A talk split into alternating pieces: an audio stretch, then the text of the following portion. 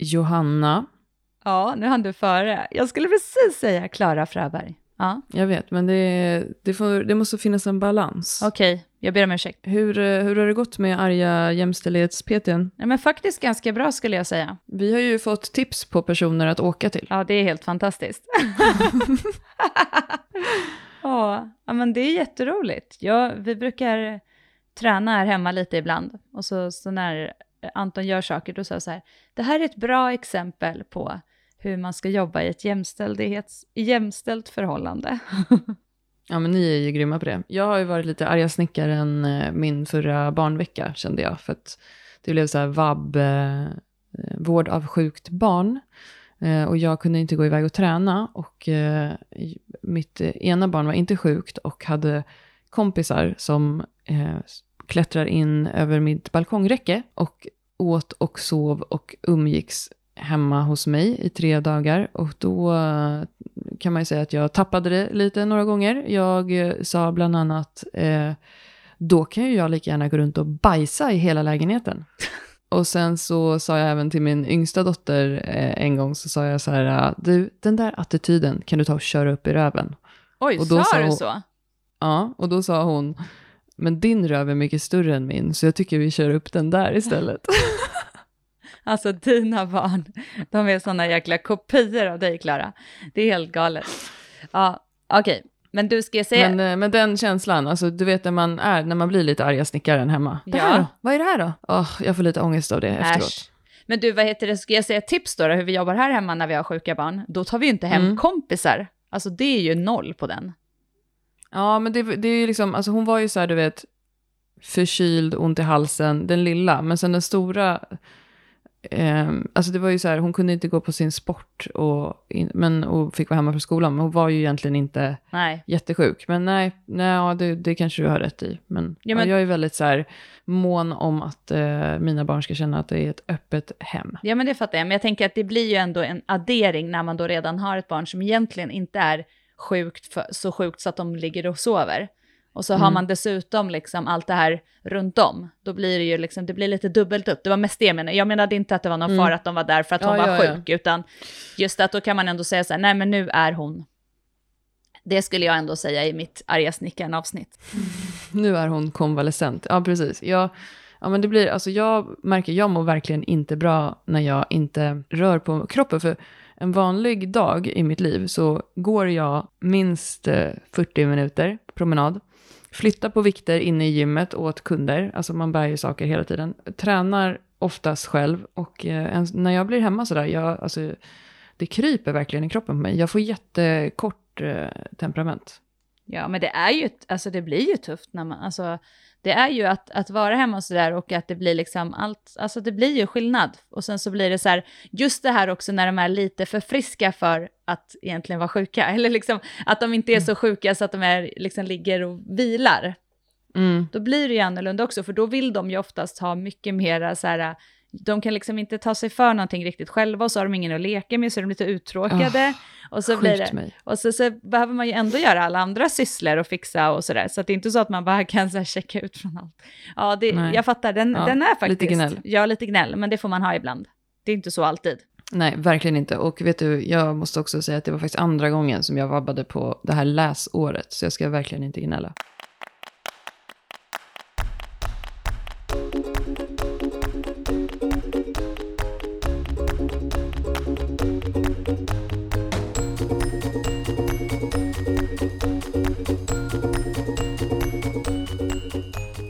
Hur går det med eh, adduktor Magnus, Johanna? Min lilla krampmuskel. Jo, men det Mm. går fint nu. Nu har den återhämtat sig. Jag eh, satte ju igång och skulle köra mina pass eh, förra veckan. Eh, inte, min topp, inte toppningsprogrammet, men jag skulle börja träna lite mera inför eh, ja, tävlingen och så. Och Mm. efter tävling, den förra tävlingen inför den här. Och började träna och körde ett ganska tungt, inte tungt, ja men jo det vart ju ganska tungt när jag insåg att jag hade typ inte gjort femmor på den vikten förut. Jag körde knäböj och tyckte lite så här, det var ganska tungt, men sen insåg jag att jag körde ganska tungt och ganska mycket reps. Eh, Mm. och sen efter det så fick jag ganska brutal träningsverk, mm, apropå vårt förra avsnitt om set och reps. Mm. Eh, att, så, och då började jag känna så att så fort jag rörde mig så började det liksom krampa i då insida lår typ, ju den muskeln som du pratar om. Mm. Och eh, tänkte jag så här, jaha okej det här känns ju inte så skönt, men jag behöver nog bara bli lite varm, så jag började liksom, jag körde lite cykel innan träningspassen och så vidare. Men eh, så fort att jag skulle göra, göra böj eller mark så bara krampade insida lår på båda benen. Så jag, det, det fanns inte en chans. Alltså det gjorde så ont. Jag gjorde, på första uppvärmningslyftet i marklyft när jag skulle köra så fick jag så mycket kramp så jag typ skrek och då hade jag typ så här inte så mycket vikt på stången i förhållande till vad jag tränar på. Så då vart jag lite sur och sen så tänkte jag så ja ah, men nu får jag vila dem. Så jag vilade dem lite och så körde jag massor med överkropp och massor med bänk, vilket i sig inte är dåligt för mig, för bänken behöver jag jobba med. Men mm. sen så tänkte jag säga, testa dagen efter, för då kändes det mycket bättre. Så testade jag igen och fick samma sak och då vart jag lite bitter först igen. Mm. Och sen så uh, bollade jag lite med uh, Stephanie som är uh, kollega till oss på Eken som också är personlig tränare och även massör. och så vi bara snackade lite om det och sådär. Och sen så fick jag lite hjälp av henne. Och sen så bestämde jag mig för att bänka ännu mer och så bänkade jag lite och så tänkte jag så här, men nu får jag vila över helgen. Så att då vilade jag lite och sen på eh, måndagen då efter det hade hänt, förra måndagen, så gjorde jag mitt premiärpass i eh, toppningsprogrammet. Och mm. då kunde jag marka utan problem, så jag behövde nog bara vila. Jag var nog lite, jag var nog lite överansträngd där, kanske från tävlingen, från mina tunga marklyft, jag vet inte. Eh, men det, men nu, känner jag, nu känner jag ingenting och nu har jag gjort tunga pass. Eh, så det känns jättebra. Och jag fick lite mm. extra pepp i bänken för att jag köttade på ganska mycket bänk den veckan. Så det kändes också så härligt. Så jag fick eh, lite mindre hybris av mina böj och mark, men jag fick lite mer hybris i bänken för att jag kände mig lite bitig. Mm. Så det, det, är bra. Så nu, nu är jag igång och det känns bra. Jag, min utmaning nu är ju att liksom, den här perioden kommer det bli mycket mer att försöka jobba på hur, hur kroppen känns. Alltså till skillnad från förra gången när jag hela tiden kunde gå in och göra alla procent utifrån de, den procentsatsen jag hade eh, på mina maxlyft innan tävling så blir det ganska stor skillnad nu för det som har hänt är att jag har ökat mina max, tävlingsmax med, med 10 kilo i både böj och mark. Eh, mm. Och att därifrån, att inte ha, att ha tränat på 10 kilo under, i, alltså i procent till sitt max, att öka 10 kilo och helt plötsligt nu börja träna på den procenten är ju klart att det är ganska många mer kilon. Och där att ja. hitta balansen vad jag egentligen behöver ligga på för procent när jag tränar i förhållande till mina max, alltså min tävlingsmax. Det blir ju lite en, mm. en utmaning för mig skulle jag säga, för jag blir ju direkt så här, nu ska jag göra mina tre på det här och det här och sådär. Eh, men där måste jag nog jobba lite mer nu, det här att liksom känna efter att, att jag jobbar med god teknik och bra rörelser och sånt, så att det inte blir att jag går för tungt i träningen. För att jag är väldigt maxstark och har lätt att ta ut det där extra på tävling. Eh, mm. Så jag, det får inte bli att jag ligger för tungt och blir sliten eller får för dålig teknik i min träning nu när mina max är så betydligt mycket högre. Precis, det låter klokt. Ja. Det låter som att du har en bra coach. Ja, det kan Anna. vara så att jag har bollat med henne en hel del det här. För det kan också vara så att jag först var lite så här, jaha, ska jag köra på det här? Eh, så att, nej men det känns jättebra. Jag är faktiskt, nu börjar jag känna superpepp i huvudet också. Jag har, hade ju jättesvårt att eh, ladda om och så inför, eh, inför en ny toppningsprogram. Jag, hade varit, jag var ganska sugen på att få köra lite mera liksom, basträning ett tag. Men mm. eh, i och med att man, det jag har gjort egentligen nu, om man tänker efter det, att jag toppade inför serie 1, blev sjuk, toppade inför serie 2, körde serie 2, nu ska jag toppa inför eh, eh, inför SM. Så gans, mm. jag, min senaste tid har jag legat ganska liksom, tufft i träningen. Ja, eh, verkligen. I förhållande till hur mycket jag har tävlat och så innan. Så det är inte van, jag är inte van att göra det. Men det känns bra och jag ska, som sagt, det är därför det är ännu viktigare nu att lyssna på kroppen i, eh, i den, här, uh, den här perioden. Och det känns jättekul. Jag försöker få väldigt mycket pass på klubben för att uh, verkligen eh, träna med andra som ska tävla och få snacka mycket tävling, skapa hybris, framförallt träna mycket på eh, rätt bänkpressställning så att det är verkligen tävlingsbänkar. Mm. Så, Allt det här låter klokt och fint. Ja, jag blir glad. Det är skitkul. Och jag är som sagt, nu känns det, jag längtar skitmycket till SM. Det ska bli så jäkla roligt. Så jag med. Hybrises, hybrisen is on the way back. Skönt. Ja. Hur går det för dig då? Ja, men eh, lite både och. Um, förra veckan så hade jag jättebra träningsvecka och körde två stycken konditionspass. Där det ena var ett crossfit-pass som jag körde ihop med crossfit-morfar Anders.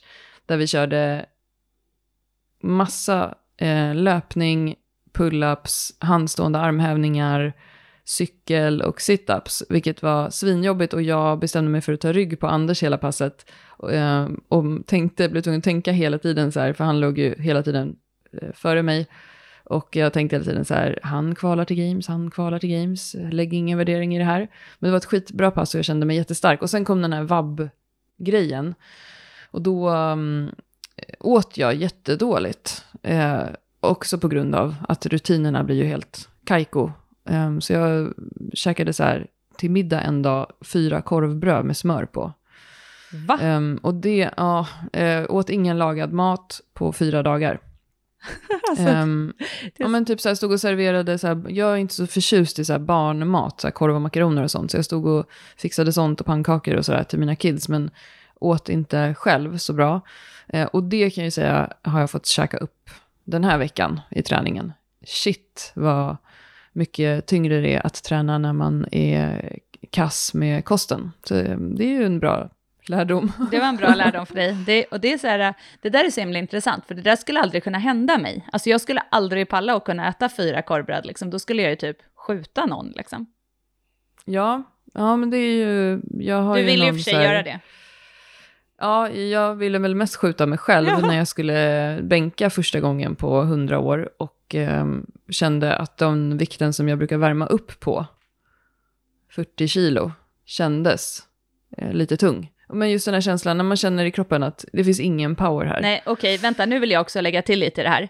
Eh, då tar vi från början, okej, okay, 40 kilo kändes lite tungt. Du bänkade, du har inte bänkat på skit länge, du hade ätit mm. kast, mm. Mm. och sen dessutom så bänkade du ju ändå typ 5 kilo ifrån tidigare pers, typ ish, inte riktigt, nej lite mer. Men, mm. men alltså det var inte så att du gjorde ett dåligt passen när du väl började bänka. Nej, Fast... men då körde jag faktiskt också ett hypertrofipass istället. För, och det, dels för att det är kul att testa vårt nya program eh, Bli en badass hypertrofi. Men också faktiskt för att just inte fokusera på vikten på stången. För där gör man åttor excentriskt ner på fyra till exempel. Och då är det ju bara att liksom plocka av vikten. Och det gör ju ingenting om man får plocka av under sätten heller när man jobbar med hypertrofi på det sättet. Så att det, det gjorde jag lite medvetet för att just ta bort fokuset på. Alltså jag stod och gjorde eh, lyft åt sidan, alltså axel, vad säger man? Hantellyft åt sidan brukar jag kalla det. Ja, med 2,5 kilos plattorna till slut. Mm. Ja men det är skitbra sätt att, och speciellt, det är ju en av de eh, tankarna som jag hade när jag gjorde så här, kom igång ingen syltrygg nej tack kallade vi de program, eller de passen. Just det. Alltså ja. det här att, att när du ska komma igång från att ha varit till exempel sjuk eller att du har haft ett längre uppehåll och sådär, att inte gå tillbaka och göra där du slutar i programmet och tänka att du ska ha samma vikt. Eh, mm. Utan att just göra något helt annat för att känna så här, men fan vad bra jag är. Nu har jag genomfört det istället för att tänka så här, men nu gjorde jag typ 10 kilo ifrån vad jag gjorde innan jag blev sjuk.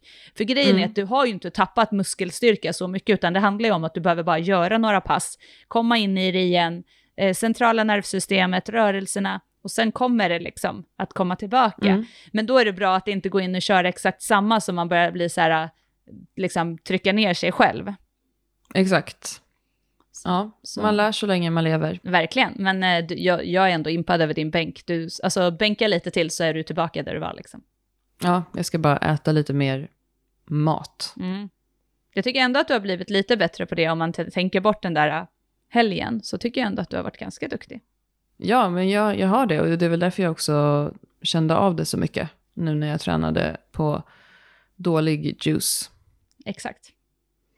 Grymt, men du, idag så ska vi snacka lite frågor till så här. Vi ska svara på frågor.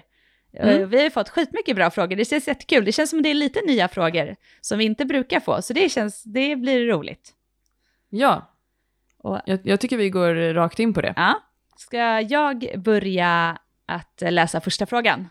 Do it. Som är ifrån em, Emmy, mm. heter de på Instagram. Mm. Eh, ni två har ju vad jag vet, så länge podden funnits, inte direkt haft några skador. vilket är fantastiskt men inte så vanligt.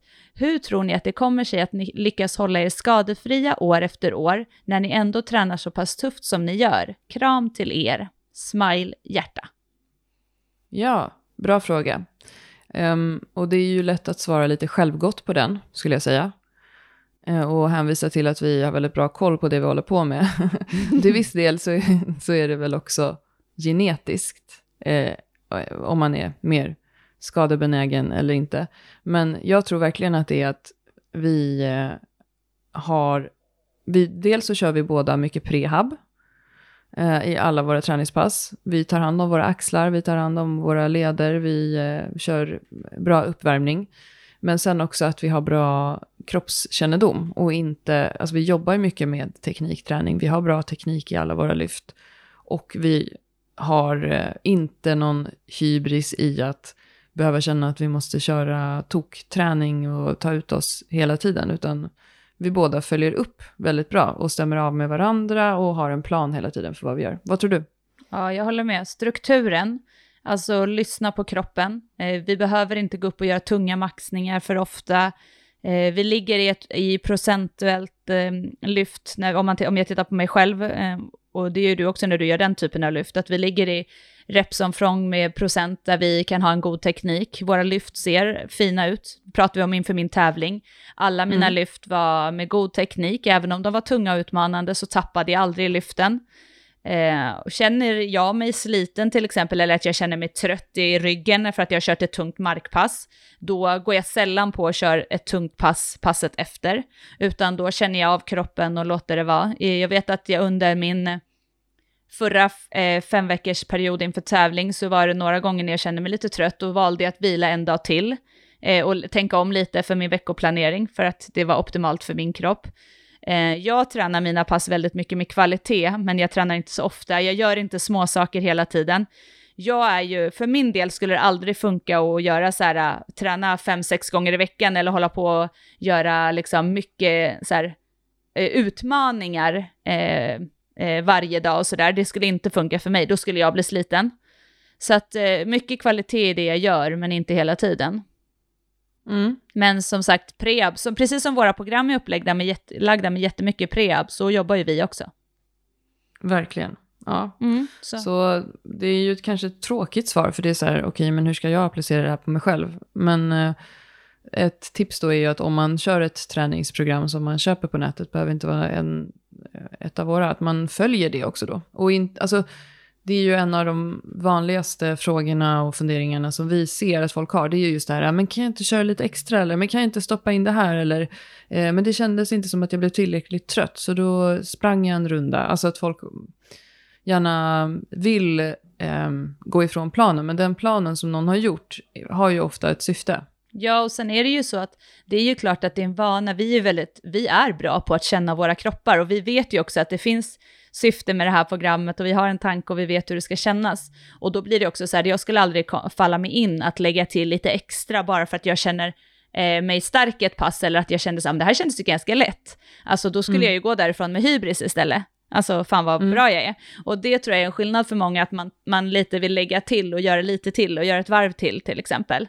Så just att eh, försöka ta kvar liksom, den här planen hela tiden, det tror jag absolut på.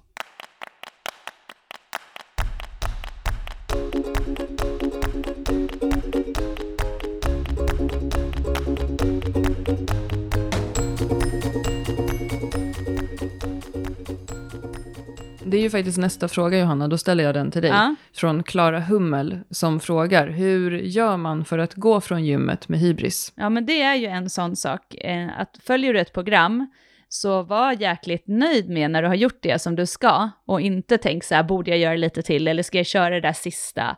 Eh, så det är en del i det, att ehm, att liksom känna att fan vad bra jag är. För följer du ett program och har en, en progression i din träning och sådär så, så behöver du kanske inte alltid göra något extra, eller du behöver inte göra något extra. Eh, mm. och, eh, och då kommer du också kunna, om du, har, om, du har en, om, du gör något, om du gör något som är anpassat för dig och som blir bra för dig, så kommer du att kunna ha en hybris och känna att du är stark, för då är ju tanken att du ska gå framåt i din träning.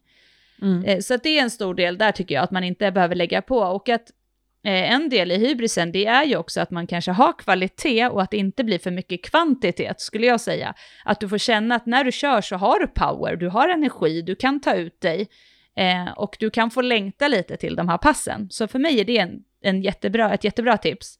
Eh, men sen också att känns det någonting Eh, känner du att det är så här, du ska göra knäböj, du bara känner så här, nej men idag, min kropp, jag är trött i ryggen, jag känner mig stel, jag känner inte alls att det här är något bra. Vad fasen, då, då tar du fram en go-to-grej och så kör du biceps curl eller bänka och så vet du att fan, då kommer jag känna mig så jäkla bra efteråt. Eh, mm. Så så brukar jag göra och jag har också gjort så att jag har valt att eh, då göra någonting som jag känner, vet att jag känner mig stark i. Och sen så har jag gjort mina knäböj dagen efter och så har jag gått med hybris från båda passen istället. Så hände, det hände mig eh, kanske två gånger i förra cykeln. Ja, och sen kanske just det som jag var inne på innan här, att se till att du har energi när du ska träna. Ja, exakt. Eh, att du har ätit, att du har sovit, att du har tagit hand om dig själv. För då kommer hela passet eh, kännas mycket bättre. Och de här passen som jag har kört nu, två stycken den här veckan, och har känt att jag har varit för dåligt preppad för dem. Nu pratar jag inte om doping då. Eh, men fueled up med energi. Eh, de har ju inte känts hybris kan jag säga. De har ju känts lite deppiga. Ja, och det, det hänger ju ihop såklart. Om du inte ätit och haft bra energi, då är det klart att du inte kommer kunna prestera på träningen. Det, är liksom, det, det hänger ihop, det är enkelt. Okej, nästa, jag fortsätter att ställa nästa fråga till dig Johanna, för den handlar om dig. Lena Lyfter undrar hur lång tid tar Johannas pass nu? Mm, det kan man fråga sig. De tar lite tid. Eh, jag, det tar ungefär två och en halv timme för mig att träna just nu, skulle jag säga. Mm. Eh, sen kan det ta lite längre tid på grund av att jag pratar lite, någon minut extra i mellansätten, för att det kan vara tungt, så att jag tycker det är skönt. Men, och att jag tar en bulle, eh, att jag ser till att få i mig energi under passet, för att jag har mycket tunga pass. Eh, och eh, det är också såklart anledningen, jag tränar tre gånger i veckan, jag har kvalitet i de passen jag kör, men jag återhämtar för mig är det viktigt att få återhämta mig helt emellan passen. Det vill säga att inte eh, dela upp för mycket och ha liksom hela tiden, utan jag behöver rena dagar där jag bara inte tränar alls. Mm. Så det passar mig. Så att eh, ungefär två och en halv timme tar de. Och jag fortsätter att mangla dig. Har du några tips på, det är också Lena Lyfter som undrar, på aktiveringsövningar? Vilka är dina favoritaktiveringsövningar inför baslyften? Mm, knäböj så gör jag alltid sidogång eh, och någon typ av höftlyftsövning. Mm, alltså med sån här äh, rövband? Rövband eller enbenshöftlyft, eh, det gör jag alltid. Jag eh, gör, och inför mark gör jag också alltid något typ av höftlyft. Och sen så gör jag alltid särdrag inför bänken med gummiband, eh, pull mm. apart. Och sen så uh, jobbar jag alltid med bålen och då brukar jag göra rollouts, alltså utrullningar med maghjul. Eller så gör jag um, typ hängande knälyft. Eh, jag jobbar eller med eh, någon typ av eh, McGill curl-up-övning. Så jag har i princip alltid så här rumpa, eh, mag, alltså eller bålen, förlåt ska jag säga inte mage, men bålen. Och sen så um, eh, skulderbladen. Och sen så lägger jag alltid någon typ som är mer specifik för det jag ska göra. Kanske att jag gör lätta raka marklyft inför marklyft. Jag kanske gör lätta knäböj eller sitter på huk eller med stången ner i botten om jag ska göra knäböj. Och så gör jag kanske lite armhävningar inför eh, bänkpressen. Ja, och då är, eh, passar jag på att vara lite säljig då. Och I våran shop så har vi ett eh, program som kostar 49 kronor som heter Uppvärmningsguide för knäböj, bänkpress och marklyft. Yes. Eh, och där har man en lista på alla de övningar som vi gillar och då kan man kombinera ifrån dem. Då, då är det liksom, här är listan på alla övningar till knäböj, här är listan på alla övningar till marklyft och så vidare. Och, då, och de finns med länk till vår YouTube-kanal. Och då kan man ta tre stycken till varje lyft och så kan man köra dem tre varv. Mm. Och det där kan ju också vara, jag gör nästan alltid samma. Alltså jag har inte så att jag håller på att variera mig så mycket. Eh, men däremot kan det ju vara så att man känner så här, oh, men gud, idag känner jag mig lite så här, oj, jag känner inte stel, eller jag har suttit mycket, eller så här, då kanske man lägger lite extra fokus på rörelsen och rumpan innan till exempel. Alltså just att, att man kan anpassa lite hur man känner sig, men annars är det bara bestäm övningar och kör på med dem ett tag och känna att du blir liksom, att de går undan. Det behöver inte ta så mycket tid, men mm. jag tror att jag försöker aldrig att det ska ta mer än tio minuter att göra mina sådana övningar. Nej. Utan för att sen komma igång med de lyften jag ska göra för att få lite effektivitet åtminstone. Utan det som tar tid för mig det är ju att jag vilar ganska länge för att ha kvalitet i lyften. Lena lyfter under en sista sak. Semla eller kanelbulle? Mm, kanelbulle. Jag med. Alltså jag älskar semlor också, jag tycker det är jättegott. Men det är skönt att det bara är en säsong per år. Det är mycket, det är kladdigare, det går ju liksom inte att så här moffla i sig en semla under träningspasset. Men en kanelbulle slinker ju ofta ner. Ja, det är mycket enklare. Semlan får bli, mer bli liksom ett mellan. Så det, jag håller med, det är, den är perfekt att ha lite så här, det är någon typ två veckor per år man får äta semla, eller man får, som jag äter semla. Det är typ när det är den här mm. semmel, fettisdagen eller vad det är. Så då äter jag semla, men annars tycker jag att det är lite för kladdigt när man ska träna och hålla på med den. Så kanelbulle mm. är perfekt, jag älskar det. Um, så ja, bara, bara att kötta bulle. Du, nu tänker jag ställa en fråga till dig. Det är mm. från Second Hand Diva, D. Mm. Långsiktig planering av träningen eller programmering eller vad, vad man nu kallar det, typ ett år om man tänker sig styrkelyftsmässigt och slutproduktionen ska vara en tävling. Mm. Det här blir ju lite, ehm, det är ju ganska individuellt beroende på var man står någonstans i sin träning. Om man ser framför sig att man har en tävling om ett år som man vill vara sitt starkaste jag på, då tycker jag att ett träningsår ska innehålla dels teknikträning i styrkelyft, för nu tror jag att det är det han menar. Um, och sen att man ser till att man vet att man kommer ha en toppningsperiod innan tävlingen. Och sen att man kör program för alla lyften fram till dess, eh, där man får räkna med att ett program absolut inte ska vara kortare än sex veckor, för då ger man det inte en chans.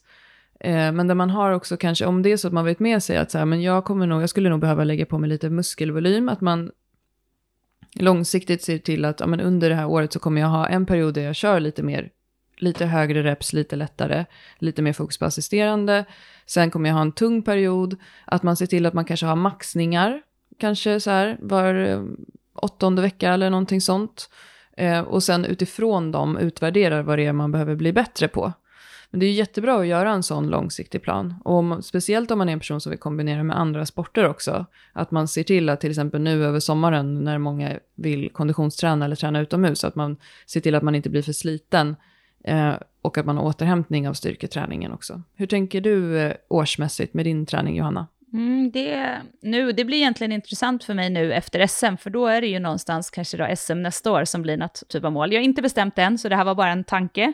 Men låt oss säga mm. att det skulle vara så, så skulle jag definitivt ligga på mycket eh, högre repsträning eh, en period. Eh, mm. bygga, mitt mål är att bygga mer volym i kroppen och då pratar jag muskelvolym, att försöka få in lite mer muskler. Eh, mm. Att faktiskt ha perioder där jag kanske tar bort skivstången nästan helt och jobbar mycket mer hantlar, kettlebells. Eh, för, att också, för att också jobba och vara hållfast i kroppen. Eh, och sen så um, jobba lite extra på alltså mina svaga länkar, att kanske lägga extra kärlek där, där jag vet att jag behöver bli starkare, eller där jag, rättare sagt, blir jag starkare där kommer jag bli starkare i lyften. Mm. Så att eh, för mig kommer det bland annat handla om att ha rena, mera body, bodybuildarperioder liksom eh, och basträning. För för mig har ju inte basträningen varit så, så stor nu, alltså där jag jobbar mycket mer repetitioner i, i, mina, i mina lyft också. Mm. Så att, eh, att variera träningen över tid på det sättet. Eh, och sen så kommer det ju vara, för mig så kommer det ju också vara att man kanske lägger in ett antal tävlingar men som man inte har prestationskrav på sig. Alltså det vill mm. säga, min tanke är ju att efter SM sen så blir min nästa tävling blir serie 3. Eh, och där mitt mål, nästa stora mål är DM, alltså där jag vill då vara på topp igen och det är i november. Så att då vet jag att det inte är först i november jag behöver toppa mig nästa gång. Mm. Så att just att få träna på att tävla utan att för den skulle ligga på att toppa sig för att inte ha för många toppningsperioder på ett år. Det låter, det låter roligt också. Ja, men pepp på din bodybuildingperiod. Ja, och jag känner också att det som är för mig är ju att låt oss säga att då SM blir målet, som sagt jag har inte satt det, men nästa år, då är det också så här mitt mål att kvala kanske då till det eh, tidigare, så att inte serie 1 och 2 blir lika viktiga att eh, maxprestera på, utan att jag kan ha en större eh, volymträningsperiod innan jag behöver gå på toppning. Mm. Så det är lite sådana saker också som man måste se till. Vad, och sen så också hur man vet, man, många vet kanske att man har jobbet ser ut på ett visst sätt under det här året, att jag vet att den här perioden har jag ganska tufft på jobbet, ja men då kanske man ska tänka på att man lägger in eh, träning som passar för den perioden. Eh, och sådär saker, för det är ändå vi vanliga människor, vi måste ta hänsyn till livet runt om. Mm. Eh, och så sådana saker blir, jag vet ju till exempel att eh, jag har hockey, att jag är tränare för hockeyn på vinter, så jag har mycket mer sådana saker eh, som jag Mm. behöver hinna med. Så att det liksom sådana, så, ja, att man tänker mer helheten. Det är ju jätteroligt. Vi Ja. sätter oss ner och tittar på din plan och sen tycker jag, nu får jag direkt en härlig känsla i att vi efter sommaren eh, kör lite bodybuilding-fokus. Ja, och typ kanske till och med har ett, eh, att vi kör samma program, det vore så kul, eh, Mm. för att eh, få träna lite ihop, för det har vi inte gjort så mycket på senaste tiden, av just anledningen Nej. att vi har tränat väldigt olika. Mm. Så det blir härligt. Ja men eh, precis, bygga upp, alltså skapa en bas och sen så stärka de svaga länkarna. Så jag vill ju, jag har ju mål att jag vill dra 200 i marken, jag vill bänka eh, 100 kilo och då måste jag jobba för det. Så att jag har mycket att, att hämta hem i, framförallt i bänken. Eh, behöver lägga mycket fokus på bodybuildingen i överkroppen.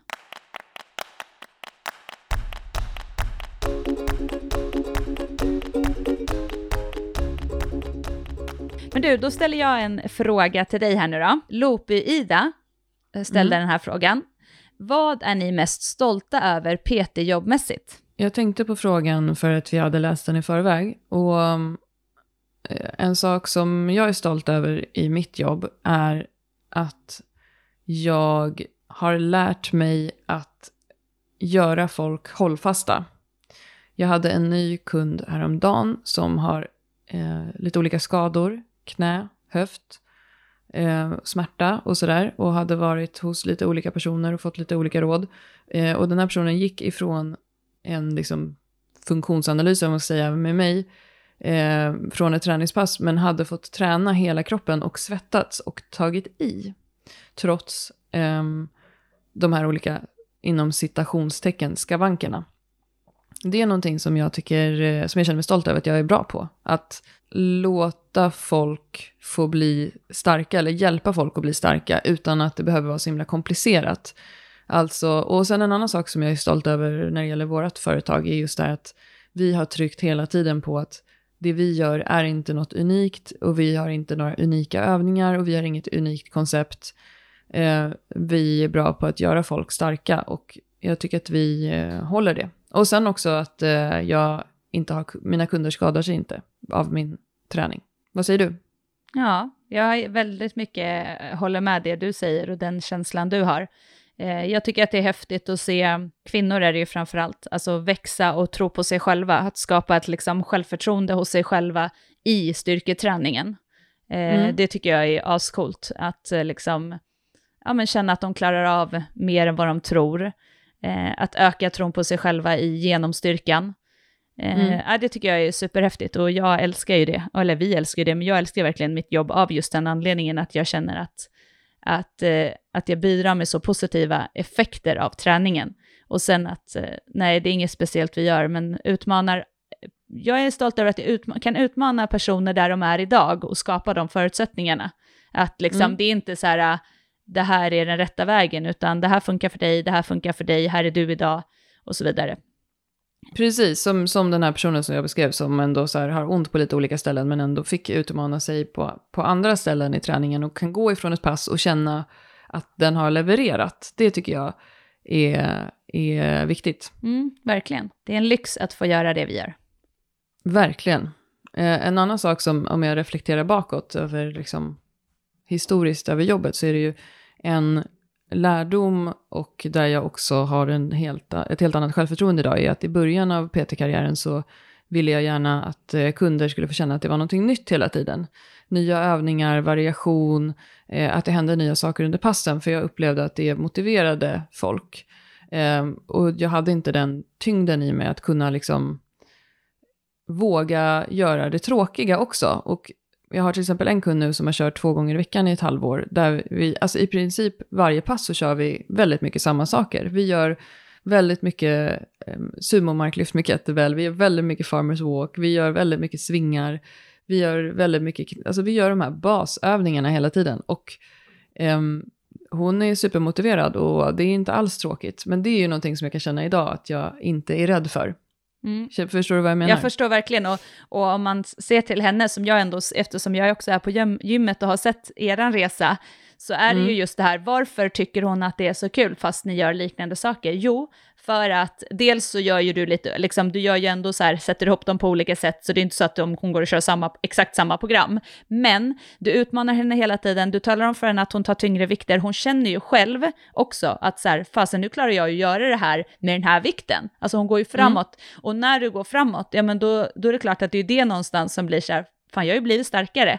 Och det är en sån sak som, som, som jag också just har lärt sig, att det här att ska du bli starkare och orka mer och kunna använda kroppen på det sättet, då, är det inte, så kanske det inte finns så stor nytta i att gå och stå och göra de här små övningarna, utan ge de här större sakerna som, som då många kan tycka är lite tråkigt, ge det mer tid, så kommer, Mm. så kommer du bli starkare.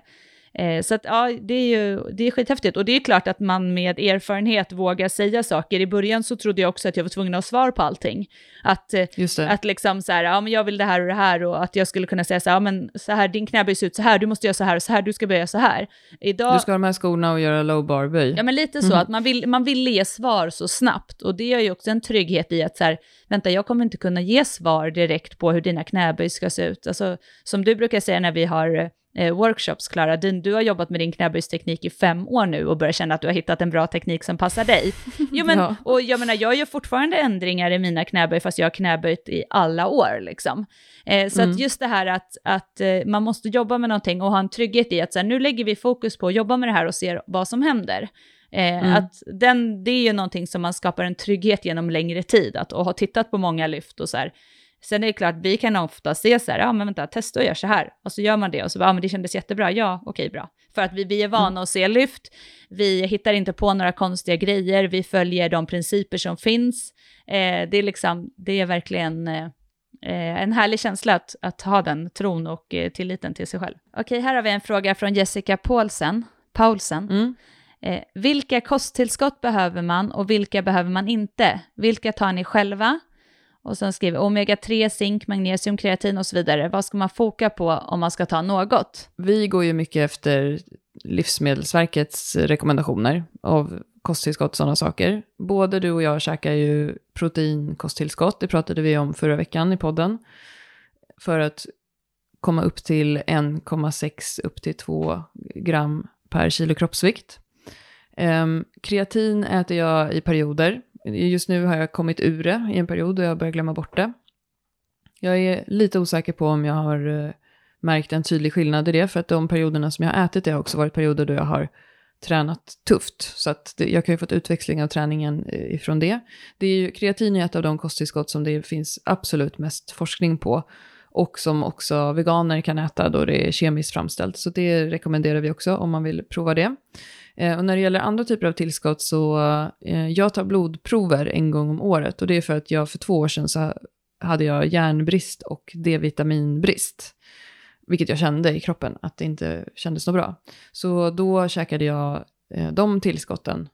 Eh, men äter, alltså, jag äter bara tillskott om jag behöver och att det visar att jag behöver det. Och oftast är det ju så, så känner man ju sig lite klen om det är att man har någon typ av brist. Många kvinnor ligger ju lite lågt i järnet. Jag har till exempel bra HB men jag har alltid lite låga järndepåer så jag försöker att fylla på med extra järn. Eh, D-vitamin är ju en sån sak som Livsmedelsverket har ändrat sina rekommendationer kring de senaste åren då det visar att vi svenskar har lite svårt att ta upp det. Vi bor här in the north. Um, så vi har blivit lite så här white walkers med att vi inte får någon sol. Eh, Omega-3 är ju en fettsyra som är essentiell, det vill säga livsnödvändig. Det pratade vi om också i proteinavsnittet nyligen. Och det betyder att vi inte kan, ehm, eller vi kan inte tillverka eh, den själv i kroppen. Och vi har ett behov av cirka 2-3 gram omega-3 per dag. Medelsvensken får i sig 2,7 gram per dag. Och Livsmedelsverket rekommenderar inte tillskott av omega-3 utan istället att man ska försöka få i sig det eh, av eh, eh, omega-3-rika vegetabiliska oljor. Eh, man kan till exempel äta linfröolja, innehåller jättemycket. Eh, eller eh, då att man äter fet fisk flera gånger i veckan. Och äter man inte det då, då kan ju det vara positivt att ta omega-3-tillskott. Jag vet ju till exempel att du Johanna är ju duktig på att käka mycket fisk. Ja, så jag äter ju inte några tillskott då, förutom protein, eftersom alltså jag känner inte att jag har något behov av det. Alltså jag känner inte Nej. att jag saknar liksom inget, jag känner inte att det finns ett behov. Och då är det klart att det är lite så här, om det inte, eh, man brukar väl säga why fix it if it's not broken? Och det är väl lite så jag känner, att så länge jag känner Ja. att det funkar bra så har jag ingen anledning att tillsätta någonting. Nej. Så det är väl det. Mm, Det är det hela. det är det hela. Okej, den här roliga frågan då, Johanna. Annika Blyckertz undrar, eh, bästa tipsen för att bygga massiva bröstmuskler? Hashtag fängelseklyka inom 40. Mm, det är helt fantastiskt. Jag jobbar också på det, Annika. Vi kan eh, kämpa ihop. Eh, alltså bröstmuskler, det är klart att eh, bänk är ju bra. Alltså, mina bröstmuskler har blivit större av att bänka, men då ska vi också lägga till att jag bänkar minst tre gånger i veckan. Eh, så det är inte så att man får bröstmuskler av att bara eh, bänka en gång i veckan. Men eh, bänka är bra. Eh, hantel, eh, bröst, hantelpressar är superbra. Eh, olika typer av ryggliggande flies, alltså också bra. Så att, att Mm. bänka och lägga till assisterande övningar för att få lite extra tryck i pexen är ju superbra. Så att Mm. eh, armhävningar kan man göra, men, men som sagt, det som är bra är ju att lägga lite extra kärlek på is, mer, is, mer isolerade övningar, eller övningar där vi, där vi hamnar mer fokus på bröstmusklerna, skulle jag säga. Så att tung träning kopplat till lite assisterande med mer volym, så eh, får man det. Det är bra. Mm. Mina pex ska bli större, det är en sak som är säker. Det är skitbra om man inte har så stora bröst också, då kan man fylla på pexen så ser det ut som man har större bröst. Om man vill ha det. Mm. Ja, men alltså större bröst som i bröstmuskler. Ja, okej. Ja, tut- ja, för tuttar. Jag, jag har större pex än vad jag tuttar. Ja, men det är jag härligt. nöjd med det. det. vill jag också ha. Det är mitt mål. Större pex än tuttar. Men vad fan, man får jobba hårt. Alltså, jag vet det, du, du har ju bra klyka och du hade ännu mer klyka när du, jobb, när du tränade så mycket förut, eh, fokus överkropp och bodybuilding. Så Mm. att, eh, alltså det är ju härligt ju. Grymt med klyka.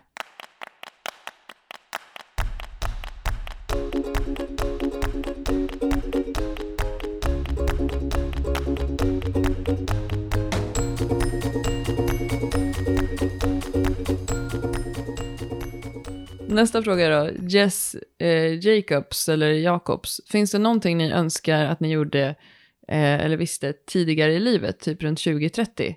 Förebyggande träning eller fokus i träningen eller mål med träningen och så vidare. Vad tänkte ni då versus hur ni tänker nu? Mm, det är en skitbra fråga. Jag skulle, det jag skulle gjort om skulle ju vara att jag skulle tagit det mycket lugnare med träningen. Och då menar jag så här, äh, när jag, när jag var mindre så hade jag en period där, där jag tränade så här skithögintensivt, fem dagar i veckan och bara så här, det var det enda jag gjorde liksom. Och tänkte att det var Mm. det bästa. Och det var ju kunskap. Alltså idag besitter jag så mycket mer kunskap, både om min kropp såklart, för att jag har mer erfarenhet, eh, men också Mm. för att jag kanske är lite mer chill i vad jag fokuserar på. Idag tycker jag att jag vill vara, alltså jag vill ju vara stark då också, men nu vet jag hur jag ska bete mig för att bli starkare eh, och få större muskler liksom. Eh, då tänkte jag bara att jag köttar så mycket jag kan i alla pass så jag ligger och svettas. Så jag ville helst göra liksom burpees i slutet av alla pass för att verkligen ta ut det sista. Mm. Eh, så lite den att, att eh, lägga mer kvalitet på träningen än kvantitet, det är faktiskt en stor lärdom som jag skulle så, dra med av det. Och att, eh, att eh, liksom hur man, hur man tänker på en hel vecka, om man tänker rent hälsosamt och träning. Alltså kost, Mm. Kost, träning och vardagsrörelse. Alltså idag har jag ju så mycket mer vardagsrörelse i mitt liv än vad jag hade då, så jag tror också att det hängde ihop med att jag ville ha ut det på gymmet. Mm. Idag rör jag ju mig hela tiden och jag sitter typ aldrig still. Medan till exempel innan jag hade barn, då var det ju mycket mer så här, då satt jag ju mer still emellan min träning. Idag har jag ju en helt annan aktivitet. Så kanske var det att det hängde ihop också att man ville känna att man skulle röra sig mer. Men jag skulle nog lagt, lagt eh, mer tid på, på att få kvalitet i passen än att kvantitet och ösa hela tiden.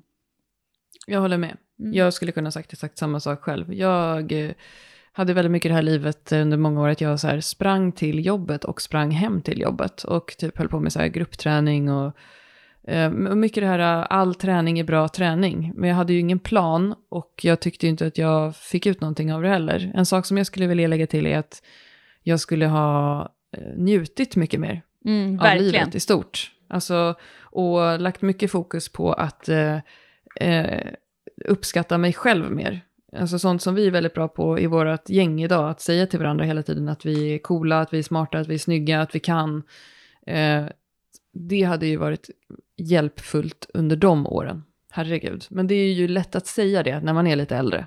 Ja, att just att vara lite snäll mot sig själv. man får lite mer perspektiv på saker. Det låter ju så att man är gammal och sitter och säger det, men när man är runt 20 så har man fan inte så mycket att komma med i livet. Alltså, man tror att man vet så jäkla mycket, men man lär sig en del på vägen. Ja, men det är ju lite så, alltså också att kanske gå in i några smällar för att också lära sig av det. Eh, så att eh, Mm. det finns ju många sådana saker som gör att man blir lite, lite klokare med åren. Jag är nog också väldigt mycket slöare nu än vad jag var då. Ja, och det är ju, alltså både ur ett feministiskt perspektiv men också ett, ett eh, liksom hållbart perspektiv så är det ju bättre att vara lite slöare när det gäller mycket saker i livet. Och då pratar jag inte bara om träning, eh, utan ja, ta det lite lugnt. Mm. Ja, jag pratar nog mest om träning. I den, vardiga, var, I den övriga delen av livet så skulle jag nog behöva lära mig att backa tillbaka ibland, eh, än, vad jag, än vad jag gör idag. Eh, men eh, samtidigt så jag trivs i att vara lite... Ja, det är bra att jag är slö i träningen, så har jag slöheten någonstans. Nej, men vi är ju mycket slöare i vårt företagande och sådär nu också. Och då menar inte jag, då menar inte jag eh, slö som att vi latar oss, utan eh, just att vi jobbar efter det här eh, färre men värre väldigt mycket. Att vi sätter oss ner, vi är mycket bättre på det idag, att sätta oss ner och se, okej, men vad ger oss mest bang for the buck? Ja, men då kanske vi ska ta det lite lugnt med den här och inte bara tacka ja, som vi gjorde i början till allting och köra på utan att ha någon plan, vilket sen ledde till att okej, men nu blev det väldigt mycket småskvättar. Eh, nu är vi mycket bättre på att ha en, ett större perspektiv och att vila i det. Och det visar sig också har gynnat oss jättemycket företagsmässigt. Kvalitet, alltså skapa kvalitet det du gör. Alltså det är ju hela tiden. Det är mindre, träna mindre men med kvalitet. Eh, Inte ska jag säga jobba mindre, för vi jobbar eh, mycket, men att ändå så här, att göra det vi gör med kvalitet. Eh, Mm. Och kanske inte hoppa på alla bollar som du sa, bara för att, utan att verkligen göra det som känns bra. Eh, både, både i hjärtat och, och eh, ja, men också i... Ja, men och att just tacka nej till saker. Okej, den här grejen verkar jätterolig, men det, det kommer inte vara rimligt. Nej, absolut. Tacka nej mannen. Tacka nej. Tacka nej. Fan. Mannen, det där, det där, tackat nej mannen. Vad fan, tackat nej? Har jag frågat dig, vill du ligga med mig? Tackat nej mannen. Mannen, tackat nej mannen. Tackat, tackar du nej någon annanstans mannen, gå här. Mannen, fuck det. Sluta Ludvig! nej mannen. Ja, härligt då. Okej, här kommer en fråga till dig, Klara. Mm. Hur ser ni på styrketräning i samband med utmattningsdepression? Ja, frågan kommer från Emma Skog. Just det. Eh, eh, jag och du har ju varit i så här, ut, jag vet inte, vi fick inte någon diagnos utmattningsdepression, men vi fick ju stresssymptom. Det var ju så vi slutade på våra människojobb och är där vi är idag. Eh, och när det gäller träning och utmattningsdepression så eh, tittar man på vad forskningen säger så säger ju den att det är jättebra att träna, för träna ger bra effekter på kroppen som också ger bra effekter på hjärnan. Det är vi alla överens om. Sen finns det ju den här populära boken Hjärnstark av Anders Hansen, heter han va? Som rekommenderar att man eh, vid en riktig depression så kan det vara bra att träna högintensiv konditionsträning tre gånger i veckan. Att det kan ge samma effekter som att äta antidepressiva. Däremot så kan det ju vara väldigt hög tröskel att konditionsträna hårt tre gånger i veckan. Särskilt för någon som inte tränar alls. Och jag eh, som tränare upplever jag att man behöver individanpassa det här väldigt mycket. Personligen så kunde jag inte träna konditionsträning alls, för att jag fick, när jag fick puls så triggade det mitt sympatiska nervsystem och jag fick stress av det. Eh, så att just att lyfta tungt med lång vila eh, var mycket bättre. Men jag tror att beroende på var någonstans man befinner sig så är det ju, där blir det ju lite så här, all träning är bra träning. Att gå till gymmet, att gå och träffa någon man tycker om och byta om till träningskläder, att dra i lite vikter, att göra det man kan. Att bara, det är ju någonting som, som ger. Vad, vad säger du? Jag håller med i det du säger och jag, som, jag tror det som är jätteviktigt innan vi sitter och säger så här, träna, gå till gymmet, det är ju ver- Mm. verkligen vart är du idag? Alltså jag menar, en person som Mm. är precis kanske blivit sjukskriven, kanske inte ens orkar gå utanför huset. Alltså det är ju verkligen, verkligen vart man är någonstans. Men eh, jag har kunder som, är, eh, som har kommit en bit på vägen och eh, som kommer och behöver, precis som du säger, styrketräna och då kan vi jobba med, då gör vi så här, verkligen en övning i taget, vilar mellan eh, sätten ordentligt, eh, bara tar det lugnt eh, och inte liksom ligger på högpulsträning, för den personen i sig får, blir bara, får, det blir tuffare för henne när hon gör det. Mm. Så hon ville verkligen inte det, utan vi gör sånt som hon får lite hybris av. Så att hon får ändå gå, även om hon är lite trött när hon går från oss eh, i huvudet och så att hon känner att hon har gjort någonting och kanske måste gå hem och sova, så är det ändå väldigt skönt för henne att få komma iväg och göra någonting som gör att kroppen ändå eh, känner att den liksom levererar lite. Så Mm. att, men just det här att det är väldigt olika och in, individuellt vart man är i den här cykeln, men att träna finns det ju som sagt väldigt mycket forskning på att det ger, ger bra effekter. Men så det är lite också vad man känner kanske att man har gjort innan och sådär, eh, som Mm. passar. Jag gick ju i KBT när det hände mig och jag fick ju liksom regler då för hur Mm. jag skulle göra. Till exempel att jag fick sluta att eh, cykla fort med hög musik i öronen.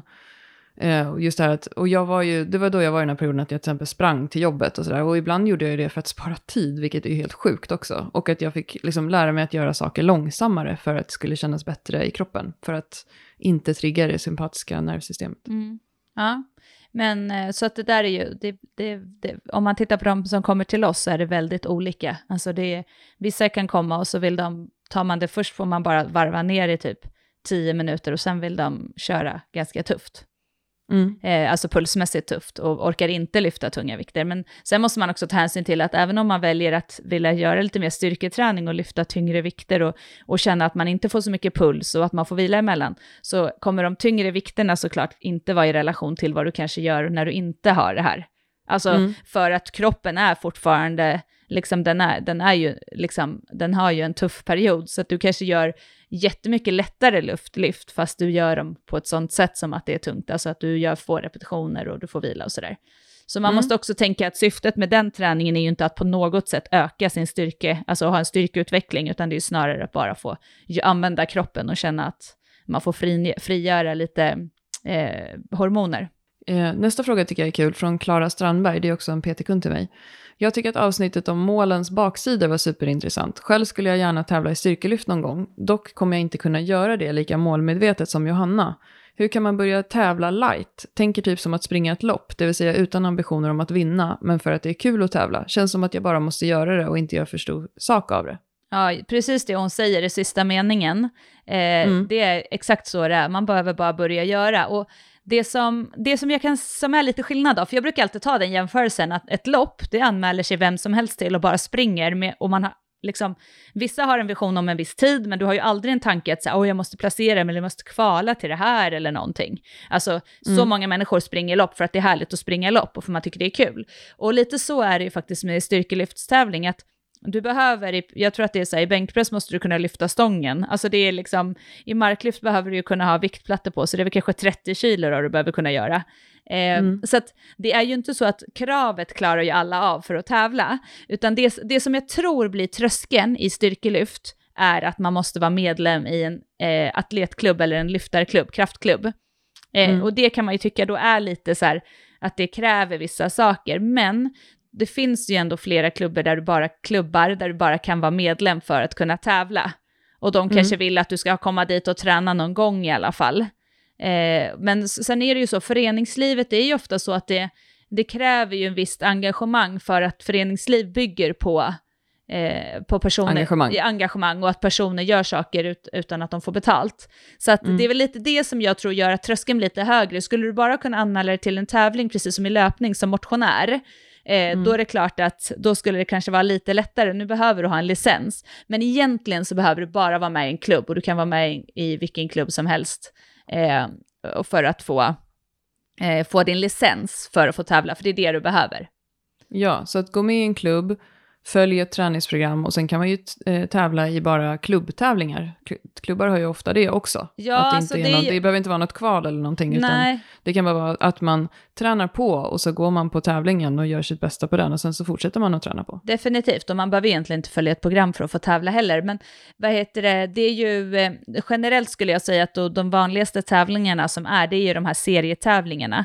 Men även Mm. om de är kvalrelaterade så behöver du ju inte kvala för att vara med i dem. Det var ju, i min tävling så var det ju en tjej av alla som tävlade. Nej, nu ljög jag lite, det var nog kanske två, men det var några fler. Men i själva styrkelyftsdelen, sen var det några som bara tävlade i bänk, men i själva styrkelyftsdelen så var det jag och en tjej till som kvalade. Resten tävlade ju för att de tyckte det var kul. Bara för Mm. att tycka det var kul, att de, för att det är en kul grej. Så att eh, jag skulle säga att det är fler som tävlar för att det är kul än för att kvala. Eh, för jag menar, i, om man tittar på de som ska köra SM så är ju det eh, ett visst antal bara i varje eh, viktklass. Så det är Mm. långt ifrån alla de som tävlar. Så att eh, anmäl dig, liksom, hitta en klubb och gå med i den, skaffa en licens och sen bara börjar du tävla. Bara börja tävla är, är nummer ett. Sen kan man utvärdera hur mycket man vill satsa och vad man vill ha för mål och så vidare. Men det är det som är kul, att då kan du börja mäta dina egna mål. Att om du får en total på så här 195 i första tävlingen så kanske ditt mål är att slå det bara till nästa tävling. Behöver inte, Mm. Så då får man ju, i sig blir det ju rolig utmaning för sig själv. Se det som maxningstillfällen. Exakt. Kul. Ja, skitkul. Jag, ska, jag skulle aldrig klara av det som sagt, men alla är ju inte så som mig. Verkligen inte. Men du, ska vi ta en sista fråga? ja, det gör vi. Eh, Den är från Anja Uvenberg. Eh, Rent logistiskt har jag svårt att äta precis efter träningen. Jag har ju förstått att man numera menar att det inte är så himla viktigt att få i sig den där bananen i omklädningsrummet direkt efter. Men finns det någon måttstock att gå efter? När börjar det gå ut över resultaten? Jag tränar i ottan, inget stort fan av frukost, men älskar stora luncher, gillar riktig mat.